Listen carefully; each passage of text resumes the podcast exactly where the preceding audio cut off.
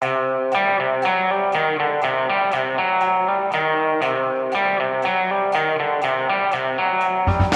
Russland og Ukraina på randen av krig. Hva blir Putins neste trekk? Og Hadia Tajik dukker ikke opp i Giæver og gjengen likevel. Det kan ikke hindre oss i å snakke om saken i denne utgaven av Giæver og gjengen, og det er den 22. i 2. 2022. En palindromdato som kan leses både forfra og bakfra. I går på podkasten så annonserte jeg at uh, arbeidsminister Hadia Tajik skulle være gjest her i podkasten i dag, og det gjorde jeg i god tro, fordi jeg ble oppringt uh, før arbeidstidens begynnelse i går av hennes politiske rådgiver Jorid Normeland som sa at, helt uoppfordret, at, at Hadia Tajik gjerne ville komme i Gjevrøy-gjengen. I dag morges så fikk vi vite at hun ikke kunne komme pga. sykdom i, i familien, og at hun heller ikke kunne stille digitalt, som vi jo er blitt ganske gode til å legge til rette for, og hun kunne ikke sette noe nytt tidspunkt for når hun kunne komme. Og Derfor så er jeg veldig glad for at du kan komme, Tone Sofie Aglen, og du er her fysisk til stede og i det hele tatt. Ja, men jeg, jeg ser jo litt skuffelsen din. Her hadde du venta å få Norges mektigste kvinne inn i studio, altså, og lytterne. det var liksom, og det var mandag morgen, ikke sant, og berget kommer til Mu og meg. Jeg våkner mandag, hva skal vi gjøre denne uka, hva er sakene? Jeg visste at dette her var en sak, selvfølgelig, men, men liksom, hvordan skal vi turnere greiene? De ringer fra departementet og sier vil du ha uh, den hotteste personen uh, i studio uh, for å snakke om den hotteste saken? Ja takk, sa jeg da. Så får du isteden den kjedeligste personen. Jeg får ikke den kjedeligste, det vet du, det vet du veldig, veldig godt. Men altså alle må ha lov til å avlyse og sånne ting, men det ser litt rart ut, uh, hele den derre uh, Hvordan dette har forandret seg, denne saken fra Hadia Tajik gikk ut på fredag uten at Aftenposten hadde uh, publisert noe som helst om pendlersaken, og kalte dette for en presseskandale. Ja, og det er jo nettopp rammene rundt det her som har gjort denne saken eh, spesiell og tatt mye fokus. Og nå sitter vi igjen og snakker om det. Eh, for hun gikk jo usedvanlig hardt ut mot Aftenposten, eh, vil jeg si. Eh, det er jo mange politikere som er irritert på media, det, men det ofte så brenner de litt inne med det. Men hun tok jo et generaloppgjør på Facebook for en sak som Aftenposten ikke hadde publisert. Men det som også var veldig tydelig å se, var at det var veldig mange som gikk i krigen for henne, delte saken. Eh, det ble satt i gang sånne boikottaksjoner. Det var noen tidligere journalister som satte i gang å si opp Aftenposten-abonnement og i det hele ja, tatt. Ja, og det var liksom en som kunne Jeg så som uh, dessverre ikke abonnerte lenger, men det var liksom forslag om at start abonnement bare for å si opp, liksom. Og det var liksom Det var egentlig både kommentarfeltet i, på Hadia Tajik sin Facebook-side, men også til Aftenposten-redaktør Trine Eilertsen. Det var sånn uh, Jeg ble litt deprimert av å lese det, for det, folk gikk lavt, altså.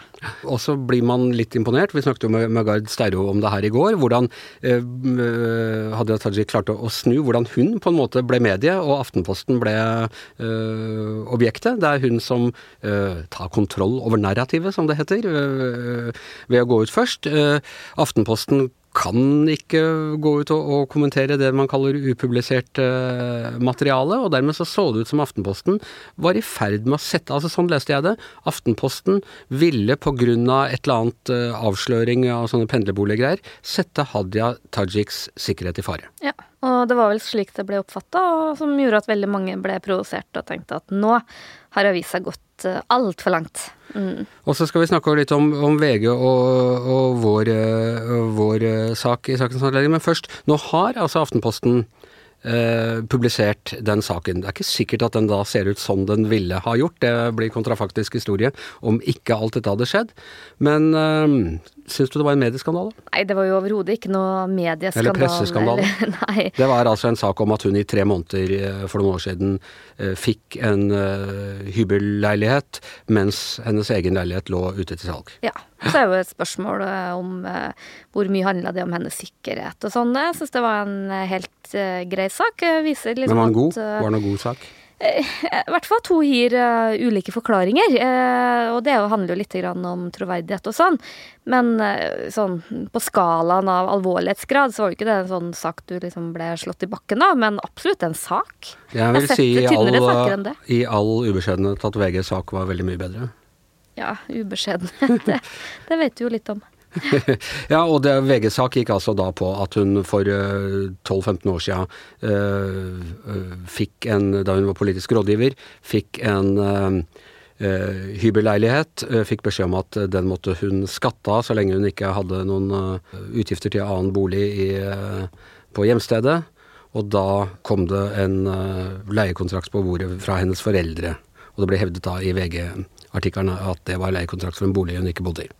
Ja, eh, i hvert fall det VG sin eh, dokumentasjon viser, var jo at hun endra opplysningene etter at hun fikk eh, beskjed fra SMK. Hun var jo politisk rådgiver den gang, 2006, om at det var skatteplikt hvis du ikke hadde boutgifter. Da endra opplysningene slik at du kom og hadde boutgifter, og la også ved kontrakt en Det var vel en leilighet i nabolaget, tror jeg, til noen venner av foreldrene, eller som ikke har blitt benytta. Og det hun sier sjøl, var at hun heller valgte å flytte hjem til foreldrene på pikerommet, som vi jo har hørt om litt før, og, og bidro i husholdninga der. og klarer jo ikke å dokumentere, eller husker ikke, det er jo mange år tilbake, eh, hva hun har bidratt med. Men sånn fra utsiden så ligner jo denne saken veldig mye på den uh, Ropstad-saken, gutteromskandalen, som uh, fikk veldig mye oppmerksomhet, og som også fikk uh, store konsekvenser for han. Ja, men Det er vel en forskjell der på at han hadde også en bolig han leide ut og tjente penger på samtidig med at han mottok Ja da, det er forskjeller liksom, i hele sakskomplekset, kan du si liksom det som uh, Det er én likhet. Uh, Hadia Tajik skriver så at hun var veldig ung og var 23 år. Det var også Ropstad den gangen, så de var like gamle, faktisk. Ja. Men han holdt det gående i mange flere år. Det er jo det ene. Og, det og han tjente penger ved siden av på sak, eh, Ja, etter hvert. Og det er en sak som ligger Hadia Tajik sin sak ligger lenger bak i tid, er forelda juridisk. Det som kanskje er litt mer skjerpende på hennes, da, nå, nå, prøver jeg bare å se saken helt sånn isolert, eh, er at hun la ved en, en eh, leiekontrakt som dokumentasjon som ikke har blitt brukt. Så, så, det er jo veldig forskjellig hvordan man ser på disse sakene, da. Og i denne Aftenposten-saken så er det altså øh, Så har hun hevdet da at hun av sikkerhetsmessige årsaker trengte stortingshybel, eller sånn, ja, hybel mens leiligheten hennes lå ute for salg, men det er ikke nevnt i søknaden om, om, dette. Men det er bare snakk om tre måneder, så verdens største sak er ikke det. Nei da, og, og, det er jo kanskje litt uh, uh, problemet med hele dette pendlerboligkomplekset, som begynner å bli ganske mange saker etter hvert, at det er jo ganske stor variasjon i eh, hvor alvorlig man anser disse sakene som. noe framstår mer bagatellmessig, konsekvensene veldig ulike. Ganske mange som etter hvert har en eller annen sak på seg, om du kan kalle det. og og, men uh, mitt inntrykk òg er at uh, politikerne på Stortinget er ganske sånn litt sånn matt og, og, og lei og føler seg ganske mistenkeliggjort. Altså det er nok også en del bakteppe for at uh, eh, mange som jeg opplevde, i hvert fall syntes det var litt sånn forfriskende at Hadia Tajik sang ut mot Aftenposten. Det må jo også sies til en god del politikeres eh, fordel, og bl.a. Tajik i denne sammenheng. Det er blitt godkjent av Stortingets administrasjon og alt dette her. Så det er ikke bare at de har prøvd å funne på, de har også da hatt en, eh, en sanksjon på dette her som har sagt at dette er ok. Ja, altså som den uh, tidligere saken uh, VG hadde, hvor vi har gått gjennom mer enn 500 Uh, pendlerboliger, uh, viser jo at det er et litt sånn mønster hvor uh, man ikke bare har liksom blitt godkjent, men også mer eller mindre liksom blitt oppfordra til å skaffe deg en pendlerleilighet. Eh, og at det har liksom blitt ansett som et slags frynsegode, eller et gode som hører til jobben. Litt sånn uavhengig om du faktisk har behov eller ikke. Men dette er jo også en snakk om da mediehåndtering, og hvordan man eh, klarer å, å eh, ja, eie narrativet. Jeg hater det uttrykket, og jeg bruker det selv da hele tiden bare fordi jeg hater det. Og, og du skrev vel i går at uh, i første omgang så var det 10-0 til Hadia Tajik mot Aftenposten. Hvordan er, hvordan er stillingen nå? Kanskje 7-3, 6-4, mer den retning. I, For, til, til, Tajik eller til Aftenposten? Ja, det, vil jeg si. Hun, hun lyktes jo Nå vet jo ikke jeg hvor bevisst jeg var, men uansett, etterlatt inntrykk var at uh, veldig mange fikk sympati for henne. Veldig mange gikk uh, uh, veldig hardt ut mot Aftenposten og media, som de mener koker suppe på en spiker, er urimelig mot politikerne. Og, og så um, er nok kanskje ikke bevisstheten så fryktelig stor. Jeg hører jo folk som sier til oss, som er liksom godt oppegående folk, som mener at ja, men VG sin sak, det her handler jo om sikkerhet. Det er jo en helt annen sak som ligger langt tilbake i tid, som ikke har noe med det å gjøre. Eller har ikke fått med seg saken i det hele tatt. Og jeg så bare en oppsummering av aviser eh, i, i, dag, så ser jeg jo at flere aviser har jo skrevet leder om den saken. Eh, men da, da, skriver de ikke om sjølve den pendlerleiligheten og situasjonen rundt det. De skriver om angrepet på pressen. Ja, da er det korpsånden som, ja, som kommer fram. Ja, det, det ser jeg liksom Mange medier liksom tar opp sånne problematiske hvordan hun angriper pressen og en upublisert sak, og, og det Eh, så nå i går var nå det tema både på Politisk kvarter, det var tema på NRKs Dagsnytt 18. Det var jo for så vidt tema i min egen kommentar òg.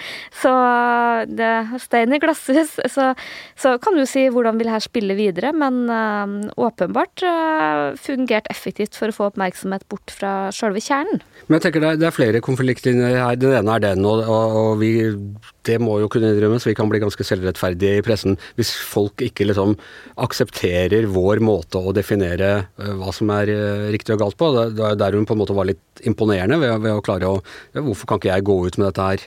Eh, før Aftenposten. Jeg har ikke noen forpliktelse overfor Aftenposten til å vente til de har eh, kjørt eh, saken sin. Eh, men så er det også da noen ting vi i mediene mener er litt viktig, bl.a. at statsråder må tåle å bli Eh, kikket i kortene. At kanskje, jeg synes kanskje det er, det er litt ekstra spesielt når det er en statsråd eh, og ikke i kraft av stortingsrepresentant at du, at du rykker ut mot pressen. Så, men så er det en annen ting, og det er jo at Hadia Tajik er en uh, polariserende skikkelse. Og jeg blir litt skremt også når jeg snakker om sikkerheten hennes, og i det hele tatt når jeg går ut på sosiale medier og ser en del av de tingene som skrives om henne. Mm. Og det Eh, gjør det også litt problematisk, eh, denne saken. At, at det er eh, Altså, du kan snakke om et, et sånn Ap-hat og, og, sånne ting der ute, men det, det, er, det, er, litt ekstra mot personer som henne, og for så vidt også henne, Trond Giske. Absolutt. Og min innboks har jo vært full av folk som har meninger om det her.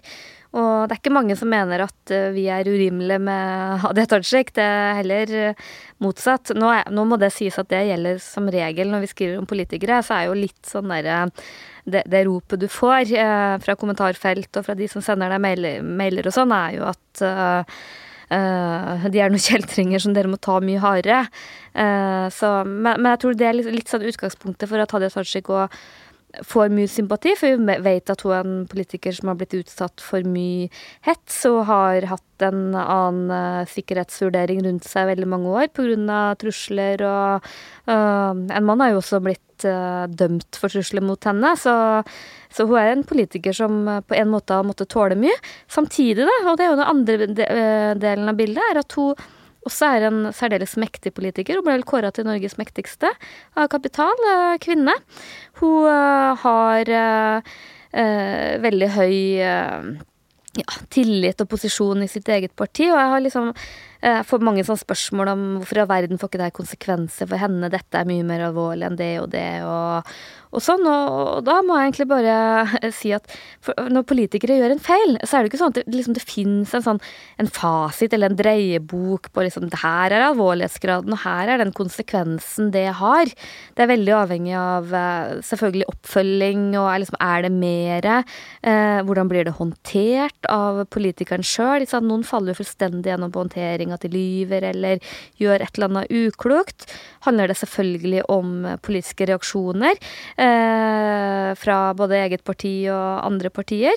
Eh, og først og fremst så handler jo det her om tillit, og der tror jeg at en, en politiker som Hadia Tajik, som har eh, uh, mye politisk kapital og mye politisk tillit i banken, da. Hun har nok en mye større tabbekvote enn uh, uh, de fleste andre politikere, vil jeg nesten si. Og så er det ja, som du sier, det er mange som er skeptiske til politikere, og de har lav tillit, men det er en yrkesgruppe som har lavere tillit og konsekvens går ja. lavere, og vi skal ikke si hvem de er, men vi tilhører den begge to. Ja da. Ja.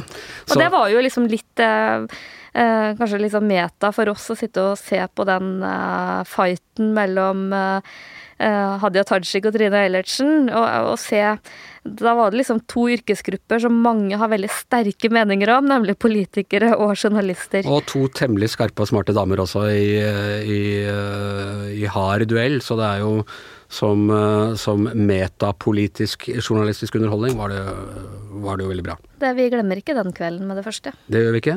Og så skal vi selvfølgelig fortsette å oppdatere dere på målforskjellen. Nå var det altså nå var det 6-4, var det det du sa? Eh, Tajiks uh, favør? Jeg ligger litt mellom 7-3 og 6-4. Ja, ok. Det, jeg mener at det er litt mer ja.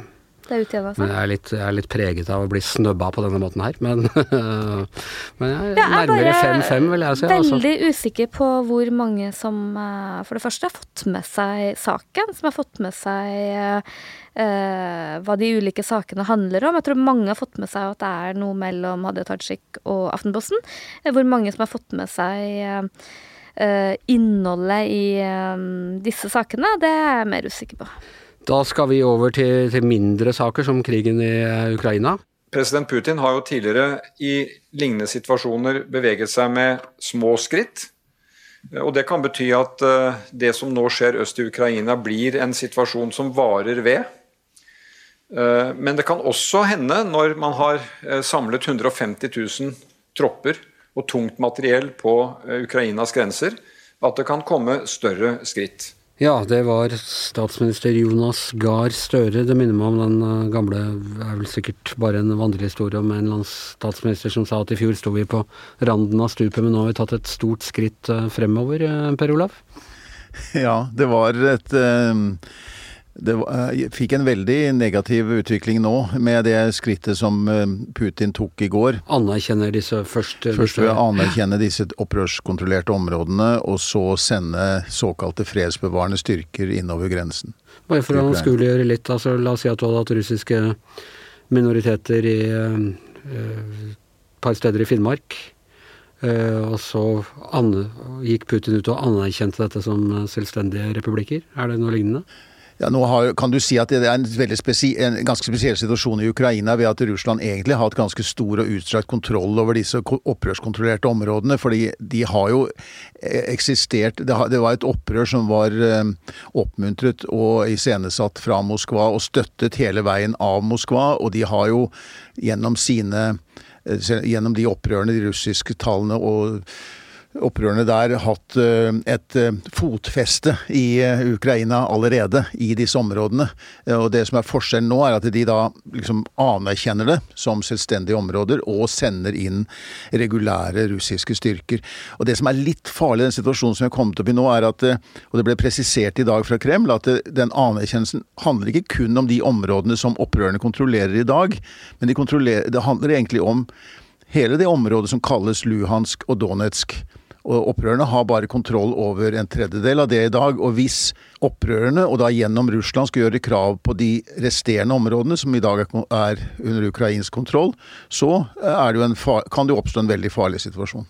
Nå snakket vi to i går om hva kan eh, Vesten gjøre, eh, ikke noe mindre aktuelt. Men i dag så har det skjedd noe. Altså denne Nord Stream 2-kabelen eh, sier da Tyskland at det blir ikke noe av. Hvor, hvor hvor kraftig sanksjon er det mot, uh, mot, Putin? Det er et av de aller kraftigste sanksjonsverktøy uh, Europa har, og i hvert fall Tyskland har. Og det var jo usikkerhet om Tyskland ville ta det i bruk, fordi USA og andre har jo ment at det må bli en konsekvens hvis eh, Putin skulle angripe Ukraina. Og at Tyskland nå går ut faktisk tidlig, og før EU har kommet med sine samlede sanksjonstiltak, så går eh, Tyskland ut og sier at de legger dette prosjektet på is. De stanser godkjenningsprosedyren av det. Da kan det heller ikke tas i bruk. Det er et veldig stort og viktig prosjekt som har kostet enormt mye å bygge, og som skulle være i drift, eh, eller kunne settes i drift når som helst. Det har bare vært i påvente av tysk godkjenning. Så det er et eh, kraftfullt tiltak eh, som rammer russisk økonomi, men som også selvfølgelig rammer energiforsyningen til Europa. Det har vært mye snakk om uh, altså, si, moderne hybrid krigføring, hvordan uh, Russland liksom, både angriper uh, cybermessig og, og propagandamessig og i det hele tatt. Men dette her er vel egentlig helt ut av boka for hvordan man uh, har gått til krig i Europa gjennom de siste århundrene. Man sier at der er det et uh, Man definerer et område utenfor sin egen, sitt eget territorium som at dette tilhører egentlig oss, og folk, minoriteten, der blir undertrykket, og, og, vi må hjelpe dem. Og så, så rykker man inn og i anførselstegn hjelper dem, og så er det opp til resten av verden om de godtar dette, enten det er i Sudetenland eller eh, Polen eller hvor det måtte være. Ja, det, men det er litt viktig å se på akkurat hva som skjedde i, forkant av dette også. Eh, det var jo varslet fra spesielt amerikansk side at Russland ville på en måte finne et slags påskudd for å gå inn. Eh, og det påskuddet det var jo nettopp dette at det ble veldig harde kamper på denne delelinjen mellom eh, opprørskontrollerte områder og regjeringskontrollerte områder i Ukraina, øst i Ukraina. Eh, og det, de opprørerne ga jo utelukkende Ukraina skylden for det.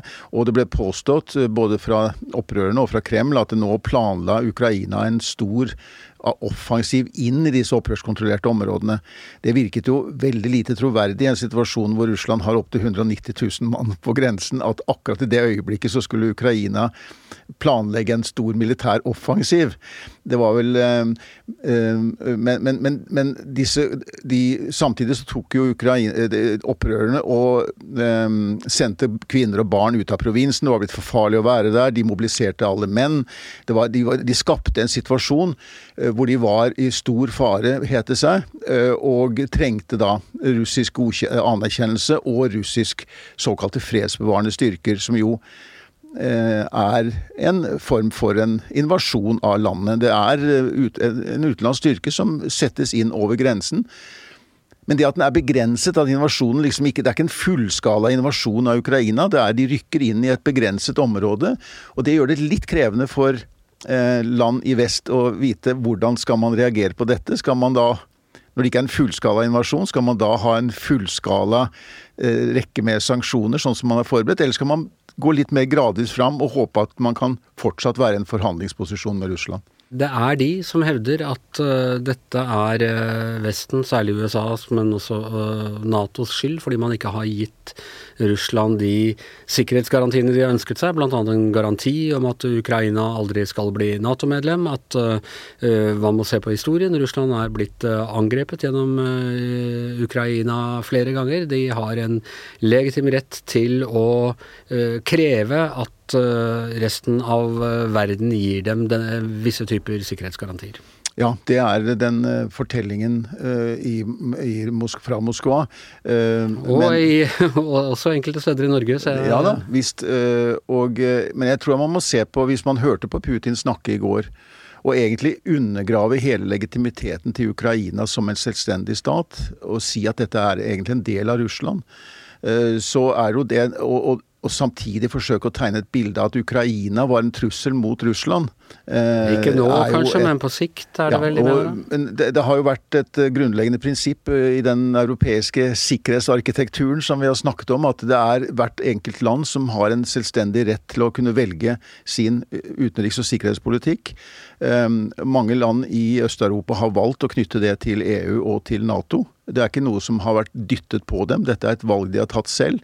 At ukrainerne har i stadig sterkere grad blitt kritiske til Moskva og sett Moskva og Russland som en motstander, er jo ikke minst pga. hvordan Russland har opptrådt eh, ved å ta Krim, ved å eh, starte å være med og, og støtte et opprør i Øst-Ukraina, eh, og nå i det siste oppmarsjerer enorme styrker på grensen.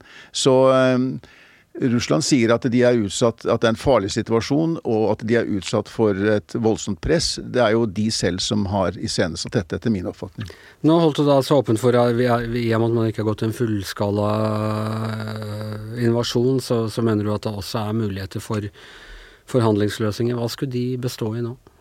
Ja, Det som jo på en måte forsvant eh, fra forhandlingsbordet, var jo denne Minsk-avtalene som har vært inngått tidligere, som skulle være i en våpenhvile ved disse opprørskontrollerte områdene. Der har jo Tyskland og Frankrike også spilt en rolle for å få det på plass. Og, og Russland og Ukraina de har jo aldri klart å skape noen fred, eh, og de har ikke blitt fullt ut respektert, eh, disse avtalene. Men eh, det var jo et forsøk på å gjenoppta det, da. Men når Russland nå har gått inn, så er på en måte det av, ute av bildet. Det er vanskelig, det er, ikke, det er lite å snakke om der.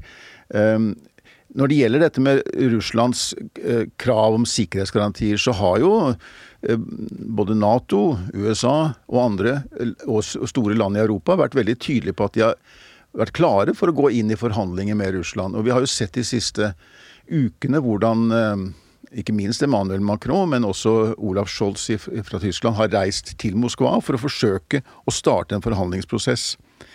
Men det har jo vært en oppfatning at Russland har jo ikke virket spesielt interessert i å gå inn i reelle forhandlinger. Fordi at deres primære krav har vært at Ukraina aldri skal bli medlem av Nato, og at eh, Nato skal trekke seg tilbake fra eh, land i Øst-Europa, eller trekke tilbake styrker og militære installasjoner fra land i Øst-Europa. De to kravene er egentlig umulig å innfri. Ikke fordi at Ukraina skulle bli medlem av Nato nå, det kommer ikke til å skje. Det er såpass mye motstand i mange steder i Nato mot det. Så det er jo ikke noe realistisk. Det er jo ikke på bordet, det er ikke noe på dagsordenen i det hele tatt. Ehm, men, eh, og, og det at Nato skulle skille mellom land i øst og vest, medlemsland i øst og vest, og si at de i øst ikke har krav på samme beskyttelse som de, det er, det er et veldig vanskelig Det er et håpløst prinsipp og tankegang gå inn på for, for alliansen. Hva er det verste som kan skje nå? Det verste som kan skje er jo en fullskala invasjon. Vi hørte jo der at Støre ikke ville utelukke at dette kunne eh, komme nye eh, alvorlige skritt her. Vi ser at det er eh, mange som eh, frykter at det kan skje. Det kan også være at eh, Putin i denne omgang nøyer seg med å gå inn og ta kontroll over disse områdene som vi har snakket om, og at det, og i hvert fall for en periode, eh, at det stopper med det. Vi får se hva som skjer i forhold til de troppeansamlingene som er ved grensene, og om de opprettholder de nå fremover. Eh, så lenge de står der, så eksisterer jo den faren for en større invasjon. Med det Putin sa i går om eh, hvordan han ser på Ukrainas uavhengighet, eh, og hvordan han oppfatter Ukrainas eh, regime, som han kalte det, så eh, var jo det et argument Det var jo det et argument for å forberede en større offensiv. Det er vanskelig å lese det på noen annen måte, men om det kommer til å skje, det vil jo vise seg. Foreløpig så er ikke det avlyst, det møtet mellom den russiske og amerikanske utenriksminister på torsdag. Det blir en, en, eh, spennende uke, og vi kommer sikkert til å kommentere hver eneste dag her i, eh, i Evrøy-gjengen. Men det er det slutt for i dag. Tusen takk til Tone Sofie Aglen. Tusen takk til Per Olav Ødegaard. Jeg heter Anders Giæver, og mannen som alltid møter opp når han sier at han skal møte opp, er som vanlig produsent Magne Antonsen. Du har hørt en podkast fra VG. Ansvarlig redaktør, Gard Steiro.